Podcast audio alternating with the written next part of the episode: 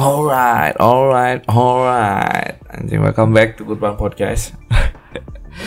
Aduh, sorry banget nih bro. Telat banget lagi upload. Seharusnya kan setiap weekend ya, uh, gue upload podcast gitu. Lu gue baru bikin hari apa nih sekarang?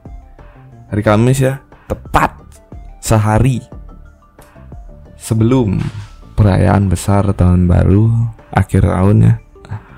Uh, gue akhirnya buat podcast gue tuh sebenarnya nggak muluk-muluk anjing.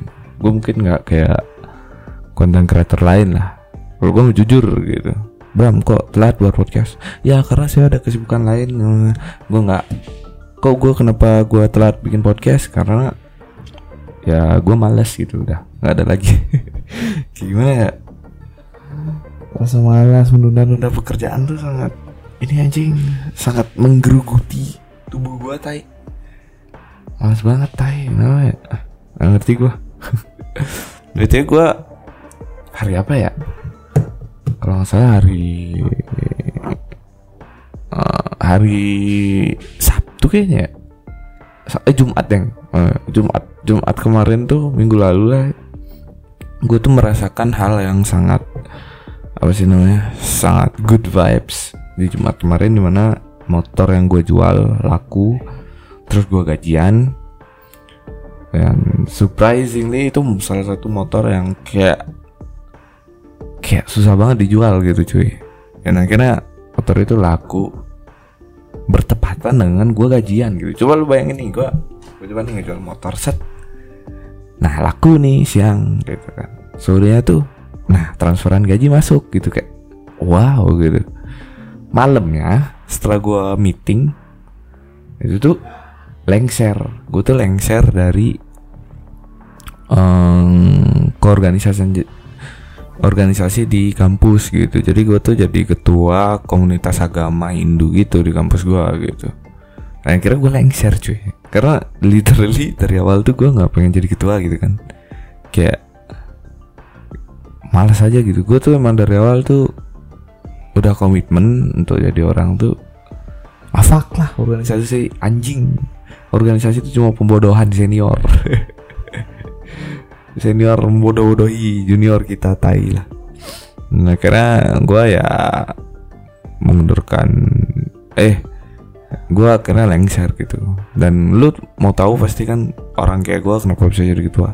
Nah ya lu tahu sendiri kan organisasi keagamaan di kampus tuh kayak ya lu harus lu harus uh, ikut lah Sebenarnya lu kalau mau ibadah atau mau ada urusan agama apa pun, lu tahu harus ke mana gitu. Ya otomatis gue ikut. Gue sebenarnya bukan masalah gue tuh berkompeten di organisasi itu gitu. Cuma gue tuh rajin ibadah lu tau gak sih?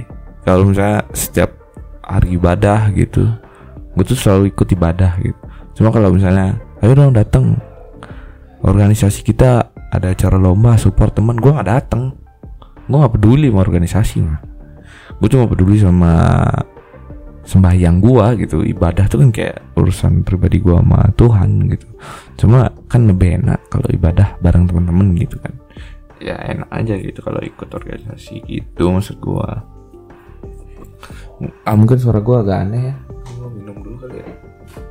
Um, podcaster bapuk kan nggak minum dulu kan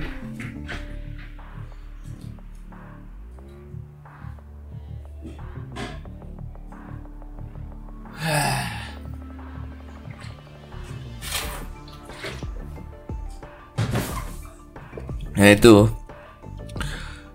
Oh iya anjing kenapa langsung cerita? Temuan mingguan dulu bangsat. Ya itulah lengser dari organisasi. Gue sebenarnya um, Banyak orang Eh banyak orang lagi. Misalnya banyak teman-teman gue di organisasi itu Kayak nganggap gue tuh Orang yang cukup Berpengaruh lah. Karena Kebetulan waktu gue jadi ketua itu Gue membuat sistem Pemerintahan lah bisa dibilang ya. Gue bingung kalau skala kecilnya apa ya sistem pemerintahan? Kayak dulu tuh di organisasi gue tuh cuma ada ketua doang gitu. Tapi sekarang sudah ada ketua sekretaris staff ini staff ini gitu jadi gue yang membentuk parlemen itu pertama kali. Nah, uh, karena gue membuat itu semua ya karena teman-teman pikir bahwa oh gue ketua yang tepat nih. Pantas jadi ketua gitu kan. Cuma gue sebenarnya lu tau nggak sebenarnya nih isi hati gue yang asli itu ya jahat tuh Terus gue tuh uh, sebenarnya uh, aduh sorry ya gue tuh sebenarnya cuma ini cuy. Cuma nggak pengen repot gitu loh. Jadi ketua-ketua sebelumnya tuh kalau ngurus apa apa tuh sendiri gitu. Bukannya lebih ke uh, ada bagian yang ngurus administrasi bagian yang ngurus keuangan ada bagian yang ngurus uh, perse apa dokumentasi hubungan masyarakat. Jadi kalau misalkan ketua yang dulu tuh kayak semua kerjaan dia aja yang ngurus gitu aja. Jadi kan gimana ya? Jadi ya susah gitu kalau misalnya kayak gitu gitu nah gue tuh nggak mau kayak gitu. Kayak gue bentuk ini sistem pemerintahan. Tapi temen-temen biasa loh ih keren Bram dah. Inovatif aja. Tai lah. Nggak tahu posisi jahat gue tai mungkin jangan-jangan ini ya bangsat lah kalau misalnya ada temen gue seorganisasi yang denger podcast nih anjing. Ngentot kip. Oh bangsat. Ya udahlah ya kalau dia tahu gue jahat juga ya udahlah lu siapa juga nyet? Juga nggak bantuin gue kebetulan organisasi gue tuh salah satu gimana ya kayak orang itu nggak ada yang peduli gitu. Even gue yang nggak peduli bisa jadi ketua lu bayangin. Saya nggak peduli apa orang lain ini gue tuh cuma peduli sama si ibadah tapi gue bisa jadi ketua karena gue sering ibadah doang. Bukan masalah gue sering berkontribusi dalam kegiatan organisasi. Enggak anjing. Gue cuma sering sembayang doang. Ih Bram sering sembayang ya. Kayak cocok ya jadi ketua. Eh bahkan even gue tuh disuruh jadi ketua nih kan ditunjuk jadi ketua sama ketua sebelumnya. Gue cuma bilang ini cuy. Eh gue bil kan gue bingung nih. Gue mikirin apa ya alasan yang bisa dia tuh nggak nunjuk gue jadi ketua. Gue cari alasan yang paling ampuh gitu. Gue bilang ah, gue udah pindah agama gitu. Tapi kayak gak ada yang percaya gitu aja gue pindah agama bangsat. Sudah gitu percaya gitu kenapa sih? Gue pindah agama gitu. Uh, ya itulah sedikit cerita cerita gue yang agak serius ya tentang kampus motor laku ya motor laku ini. Menguap gua tai. Nah kemarin ada pembahasan tentang eh enggak sih enggak pembahasan sih. Maksudnya ini ada hal yang ramai kemarin ya. Masalah Winson Reynaldi seri-seri Kolim ya menurut gua kayak oh my god ini dua orang nih. Kayak trendsetter cuy gue tuh gue gue kok malah support ada pertikaian gitu ya. jadi gini uh, Winston sama Eriko nih berantem like man di Octagon. Itu tuh mereka uh, berantem like man di Octagon tuh secara ini ya resmi ya. Bukan kayak Street Fighter kayak lu berkelahi di trotoar bangsat. Nah setahu gue nih gue nggak tahu lu bisa DM gue di Instagram kalau misalkan gue salah ya. Jadi setahu gue itu masalah pertikaiannya itu diawali uh, karena si Winston uh, si Winston itu lagi ke klub gitu kan sama si Nico gitu. Nico tuh temennya Winston gitu lah. Nah akhirnya si Eric Lim ini ada di sana gitu. Kayak nggak sengaja mungkin ya datang ke klub yang sama gitu. Ketemu lah. Nah mungkin si Niko nih kayak nyapa gitu. Cuma katanya sih nyapa biasa. Cuma si Eriko itu kayak tersinggung gitu bangsat. Kayak tersinggung tapi tersinggung tapi marahnya sama si Vincent gitu. Akhirnya katanya Vincent lagi lagi lengah gitu. Digaplok palanya aja dari belakang. Akhirnya si WS tuh bilang kayak ya gue gue tahu gitu gue kesel sama dia maksudnya mukul gue tuh maksudnya gimana gitu. Cuma Vincent kan tahu kayak ya ini tempat klub gitu bukan tempat berantem ya gue nggak mau berantem di sini gitu. Lu kalau mau berantem ayo octagon gitu. Akhirnya dua orang nih terbawa aura gelora darah muda. Akhirnya menseriuskanlah niat untuk koktegen gitu cuy. Akhirnya mereka koktegen uh, sejujurnya sih Vincent sih yang lebih lebih apa sih? Lebih niat lah cari tempat lah uh, bikin event bikin flyer. Dan akhirnya terlaksana. Di tanggal 26 kemarin si Vincent versus Erkolim. Karena sudah terlaksana dan lu tahu nggak? Harga tiketnya 500 ribu bangsat. Gope anjing. Dan ternyata matchnya tuh nggak ada semenit tai. Sebenarnya nggak ada yang penting siapa yang menang atau yang kalah ya. Dari segi bisnis itu mereka dua menang cuy. Eriko menang Winston menang. Keduanya sama-sama dapat duit gitu. Sama-sama kaya. Bayangin satu orang 500 ribu cuy gue nggak tahu yang nonton berapa ini 500 ribu bangsa. Yang yang lebih parahnya lagi tuh uh, berantemnya itu beres di round satu cuk. Even pertandingan itu nggak ada semenit. Semenit pun tidak nih gua. Gua tadi kayak nonton dia cuma 30 detik ya bangsat. Cuma 30 detik cuy. Anjing. Kayak jadi pertama itu kayak uh, si pasiennya ngomong lah bla bla bla Eriko tuh kayak kelihatan sih amarah banget mata itu kayak aura membunuh. Uh, akhirnya udah panas duluan battle pakpuk si pertama si Eriko oke okay lah dia mukul nyerang mukul di WS berkali-kali tes tes tes.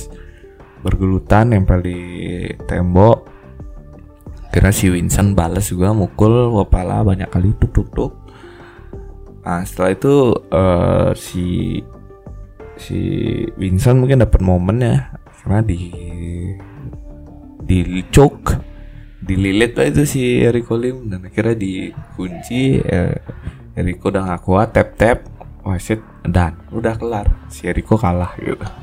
Tapi bisa lu bisa lihat sendiri cuy di videonya. Si Eriko tuh bangsat aja si Eriko tuh kayak nyakar terus nyolok nyolok mata cari cari matanya Vincent. Dan gue lihat di video merah banget cuy si mukanya Vincent tuh dicakar-cakar sama merah cuy even celananya si Vincent tuh sobek nih terus uh, punggungnya Vincent digigit aja wah gila Eric Collins tuh kayak bunuh orang bener anjing.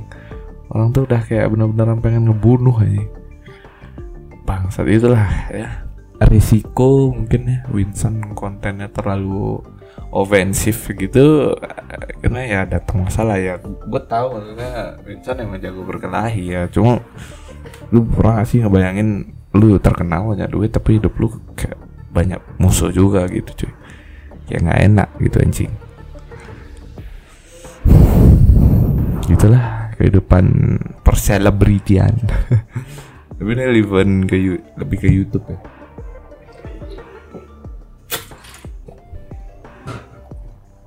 dan uh, dan setelah match itu KO ya lu tau lah desakan netizennya bukan masalah desakan publik gitu ya. Si pendukung Eric Colin tuh udah kayak let's go let's go. Tanding lah rematch. Rematch akhirnya karena emang pertandingan MMA itu terbiasa kalau sekali main ya udah sehari sekali main gitu. Nggak ada rematch atau dan lain-lain gitu jadi ya nggak ada rematch gitu maksud tapi sayangnya si Eriko tuh ya aku tahu dia datang dengan emosi cuma lu harus siap nah, nerima lu kalah gitu. Walaupun dia emang habis kalah tuh mukanya bete banget aja kayak orang membunuh itu semakin menjadi-jadi cok gila orang tuh. Gitu. ya dan Indonesia juga dramatis ya ngalahin Singapura menuju final kita doain selalu lah Mungkin di next podcast kita akan bahas ini ya uh, Indonesia lawan Singapura. Seperti itulah gimana. Ini bukan bahas Indonesia lawan Singapura sih, Indonesia lawan AFF. Maksudnya juga ngebahas itu biar sekalian langsung um, di final gitu tanggal 1 gitu. Langsung beres saya beres langsung baru kita bahas Indonesia jadi gue bahas sekalian lah. Dan kemudian uh, bahas apa lagi ya? Uh, Eric mungkin sama WS udah rematch. Saya kira ntar rematch. Nggak bisa rematch. Mungkin disuruh rehat dulu mungkin mau berantem. Uh, kapan-kapan lagi mungkin Cole bakal berlatih lagi. Nah terus si kalau dari pihak Vincent sih Vincent sih upload vlog ya di YouTube media dia bilang kayak ya gue siap cuy gitu. Mau mau apa mau berapa lama lagi gitu. Gue udah siap gitu ya ya sih ngomongnya gitu ya. Gue nunggu berapa lama lagi dia siap gitu. Gue akan available untuk berantem. Sorry ya buat pendengar setia gue walaupun gak ada yang denger. Karena sorry banget nih gitu gue mau mulai podcast dengan top end trading oh biasanya kan? Tapi nggak juga ya. Maksudnya? Maksudnya temuan mingguan itu tuh nggak temuan mingguan tuh nggak di awal gitu. Lebih ke awal tuh cuma cerita pengalaman pribadi bang mungkin temuan mingguan mungkin di awal uh, kita pindahkan di sekarang ya. Karena gue udah nggak tahu ngomong apa. Jadi si uh, yang temuan mingguan yang gue temu sekarang tuh untuk masalah musik ya seperti biasa tidak ada. Cuma kemarin gue manggang dan ya sedikit minum-minum lah sama temen. Lu tahu kan kalau orang minum ada lagu gitu ya salah satu lagunya itu lagu-lagu rap-rap zaman gue SMA lah. Namanya Post Malone Travis Scott namanya uh, Juice WRLD gitu, gitu. Ya kita muter lagu-lagu itu dan karena gue emang kebetulan manggang dan minum atau teman SMA sih. Ya mungkin lagu-lagu itu sih Lucid Dreams itu. Ya mungkin itu sih temuan mingguan kalau musik ya. Kalau film gue film Spider-Man Way Home Mari kita bahas Anjir mari kita bahas Jadi gini No Way Home itu Menurut gue filmnya itu sangat fan service kali ya gila Dan gue bisa bilang Spider-Man No Way Home tuh bagus banget Sebanding dengan Sebenarnya gue lebih suka Infinity War dibandingkan Endgame ya Infinity, nah, jadi menurut gue Infinity War tuh lebih kalah daripada No Way Home. Lu tahu kenapa No Way Home lebih bagus? Karena di sana konfliknya tuh banyak tapi padat gitu. Jadi eh, gimana ya bilangnya dagingnya tuh semua bagiannya tuh matang gitu nggak ada yang belum matang kalau masa ayam tuh kan kadang ih daging dalamnya ini belum matang nah cuma kalau di fenomena ayam tuh setiap konflik yang ada tuh menurut gua matang dan masih bisa diterima oleh penonton. Kayak jadi cerita itu kan si Peter Parker tuh identitasnya terekspos akhirnya minta uh, tolong Doctor Strange. Kita udah terbiasa kan dengan karakternya Peter Parker yang masih bocil masih di bawah bimbingan keteknya Iron Man lah. Masih labil dan akhirnya karena kelabilannya dia itu membuat muncul masalah baru. Akhirnya terbukalah gerbang universe Spider-Man Toby dan Andrew. Akhirnya musuhnya datang Toby dan Andrew datang melawan musuh gitu. tapi yang gue suka di sini itu Peter Parker sih secara karakter development tuh udah berubah banget gitu cuy. Si jadi si si uh, Peter Parker itu kehilangan bibinya bro. Bibinya yang hot itu. Tapi pikiran gue cabul banget aja jadi si tante itu si bibiknya on me itu mati dibunuh sama Green Goblin. Akhirnya di situ dia ngerasa bahwa nggak semua keputusan yang dia anggap baik itu tuh bener. Nggak segala kebaikan tuh bener gitu. Itu baru belajar itu gitu. Kayak udah jadi dewasa dia. Ya dia dia nganggap bahwa takdir dari musuh-musuh di universe lain tuh bisa diperbaiki. Jadi mereka tuh nggak mati gitu. Ya oke okay lah. Itu mulia banget gitu kalau menurut gua. Kayak baik banget itu alasannya. Cuma kan baik belum tentu benar. Ternyata pas dia ngelakuin dia itu dia kehilangan orang yang penting buat dia itu on me. Cuma kerennya muncul quotes yang Spider-Man banget dari bibirnya on me gitu. From great powers comes great responsibility. Wow tuh kayak callback banget dan akhirnya muncul lah si Ned buka gerbang nggak sengaja muncul lah Toby dan Andrew. Karena mereka membantu si Tom.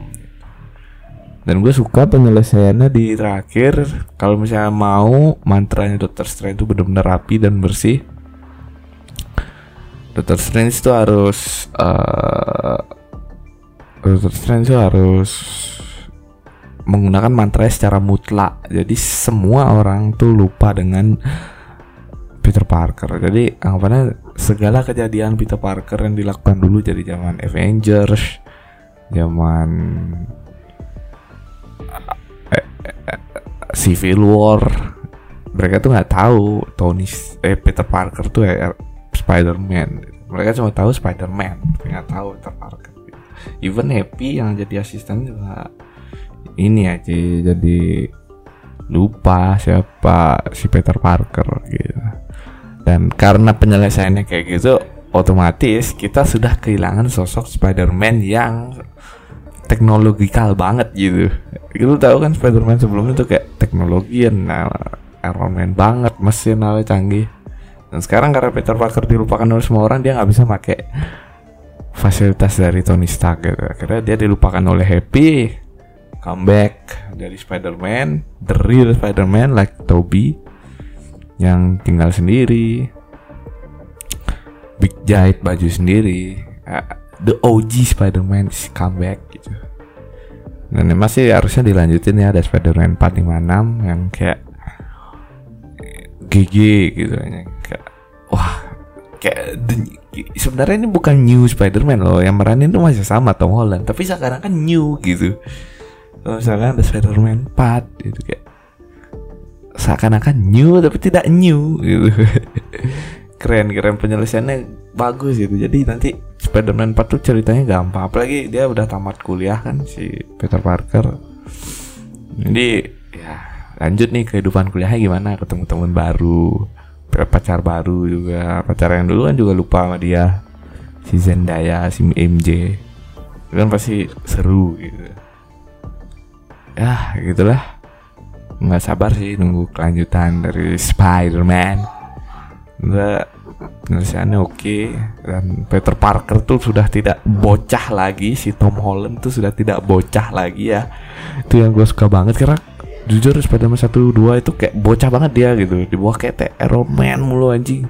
Bocahnya tuh bocah totok gitu. Karena kita tahu sendiri kan kalau di komik Spider-Man tuh kan ya reporter gitu orang yang udah kerja udah dewasa. Apalagi musuh bubuyutannya Venom. Venom itu seumuran sama dia. Masalah kehidupan di reporter kan. Dia kalau misalnya dia masih bocah mulu gimana jadi reporter? Ini nggak cocok gitu kayak karakter bocah tapi udah kerja. Tiba-tiba udah lewat Venom gitu kan nggak aneh gitu. Jadi gue suka maksudnya kayak wow nih Marvel genius banget ini filmnya bagus dan nutupnya bagus gitu. Filmnya bagus nutupnya bagus. Tapi bukan sekedar nutupnya bagus doang tapi nutupnya itu multifungsi. Jadi nutupnya itu gampang dikembangin nanti belakangnya gitu maksud gua. Itu yang menurut gua kayak wow gila gila Marvel oke okay banget. Gitu sih. Mantap. Oke Spider-Man. Hah, menurut gua itu sih. Ini spoiler banget ya. Nggak perlu gua kasih spoiler alert dah kalian udah pasti udah pada nonton bangsat. Kalau ada yang belum nonton ya udah nasib. Isinya spoiler alert. Dah nanti gue taruh dah. Uh, di kata-kata spoiler di deskripsi mungkin. Uh, apalagi ya? Masa Spider-Man ini. Kita nggak tahu sih gue mau bahas apa. Coba kita lihat keadaan di hmm, ini. Ini sih keadaan di tapi yang aneh ya. Ini ini agak-agak apa sih agak-agak teknis agak-agak mendalam nih pertanyaan. Jadi yang gue bingung tuh si Doctor Strange itu kan bisa ngelihat waktu ya. Maksudnya dia bilang katanya untuk ngalahin Thanos tuh ada satu miliar eh 14 juta kemungkinan. Dan cuma dari 14 juta kemungkinan itu ada satu kemungkinan Avengers tuh menang gitu. Dan ternyata kemungkinan Avengers menang tuh satu memang ada dan itu tuh Dr. Strange tuh melakukan spell untuk ngelihat 14 kemungkinan itu sambil lawan Thanos gitu. Dan dia bisa. Tapi pas lawan tapi pas dia nginiin mantra Spiderman diganggu Spiderman mantranya salah gitu kayak gimana sih? Kok mantranya masa diganggu Spiderman doang? Lebih berat daripada pas lagi lawan Thanos sih mantra itu itu menurut gua kayak aneh gitu. Ya tapi itu menurut gua ya. Terserah orang lain mau berkomentar apa terserah gitu. Terus uh, itu ya sih. Sisanya kayak ya udah susahnya semua make sense. Cuma yang aneh itu doang maksud gua. The only one keanehan dan gue tuh sedih banget cuy waktu di scene. Tuh scene yang paling nyentuh banget di gua bro waktu si Happy nanya ke Peter Parker waktu di makam Onmi. Si Happy bilang ini kayak lu kenal dari mana Onmi? Anjing. Kayak gue jadi Peter Parker kayak gue tahu lu siapa monyet. Dulu kita deket cok anjing. Gue ngomong kayak Happy gitu. Dan Onmi lu tahu siapa? Bibi gue nih ngentot orang tua gue ini. Dia ngurus gue bangsat wah bangsa tuh deep banget aja gue nggak tahu sih kalau gue di posisi Tom Holland dah kayak emosi ini. Total emosi total. Hmm. Ya mungkin itu aja sih uh, kalau sekarang karena sudah gue kehabisan topik jadi kita lanjut ke berita-berita keramaian. Hmm, hmm, hmm, hmm, hmm, hmm, hmm apa ya uh, uh, uh, uh. Uh. kita butuh mencari tweet-tweet drama yang dibahas ya btw apa resolusi kalian di 2022 ya nah, kalau misalnya menurut gua kalau resolusi gua sih gua harap gua bisa 2022 ya bisa sidang skripsi terus gue menyelesaikan laporan magang. Teknis sekali resolusi gue ya. Target gue 2022 terus gue bisa nabung yang banyak gue bisa ke Bandung cari pacar gue uh, terus gue juga bisa apalagi ya? Hmm, gue bisa lebih aktif live streaming. Eh kan aktif lebih aktif sih. Gue rajin upload YouTube dan rajin live streaming di Facebook. Gue btw gue pindah ya live streaming di Facebook karena kayak penontonnya rame cuy di YouTube tuh bangsat dikit banget tai. Jadi gue udah live streaming di Facebook aja.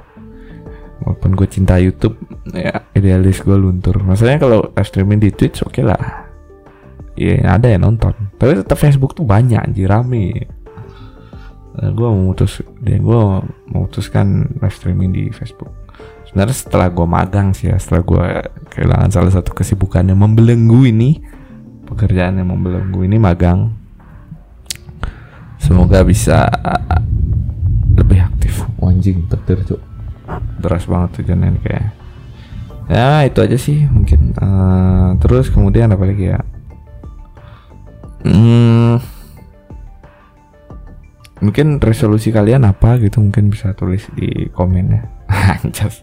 Si si ada yang denger, Cuk. Uh, kita membahas Nah, ini Twitter yang gue follow untuk bahas-bahas drama dan pembahasan pembahasan podcast malah bahas-bahas timnas, Cuk. Males gue tai. Uh, ini apa nih? Wah, ribet nih kalau dikata-katain susah. Oh ini ada chat keluar yang. Ke mana yang? Nonton terus makan ke McD. Split split bill aja ya. Lagi nggak ada uang. Nggak mau ah kamu tiap aja aku keluar nggak ada uang. Terus saya emang lagi nggak ada mendingan nggak keluar daripada keluar. Tapi kamu nggak aku kasih makan. Nggak ada uang aja soal ngajak anak orang pacaran. Oh gitu ya? Wah anjing. Zaman sekarang emang gitu cok. Wah kontol kontol. Gue baru tahu sih zaman sekarang tuh keluar kayak gitu gue ya gue salah satu orang yang harus mengakui diri gue tuh beruntung ya. Pacar gue tuh tidak menuntut seperti ini gitu cuy. Kayak thank you banget lah. Terima kasih my girlfriend oh my lord. Ya udah gue nggak tahu nih mau bahas apa. Udahan kali ya. Ya, ya segitu aja bye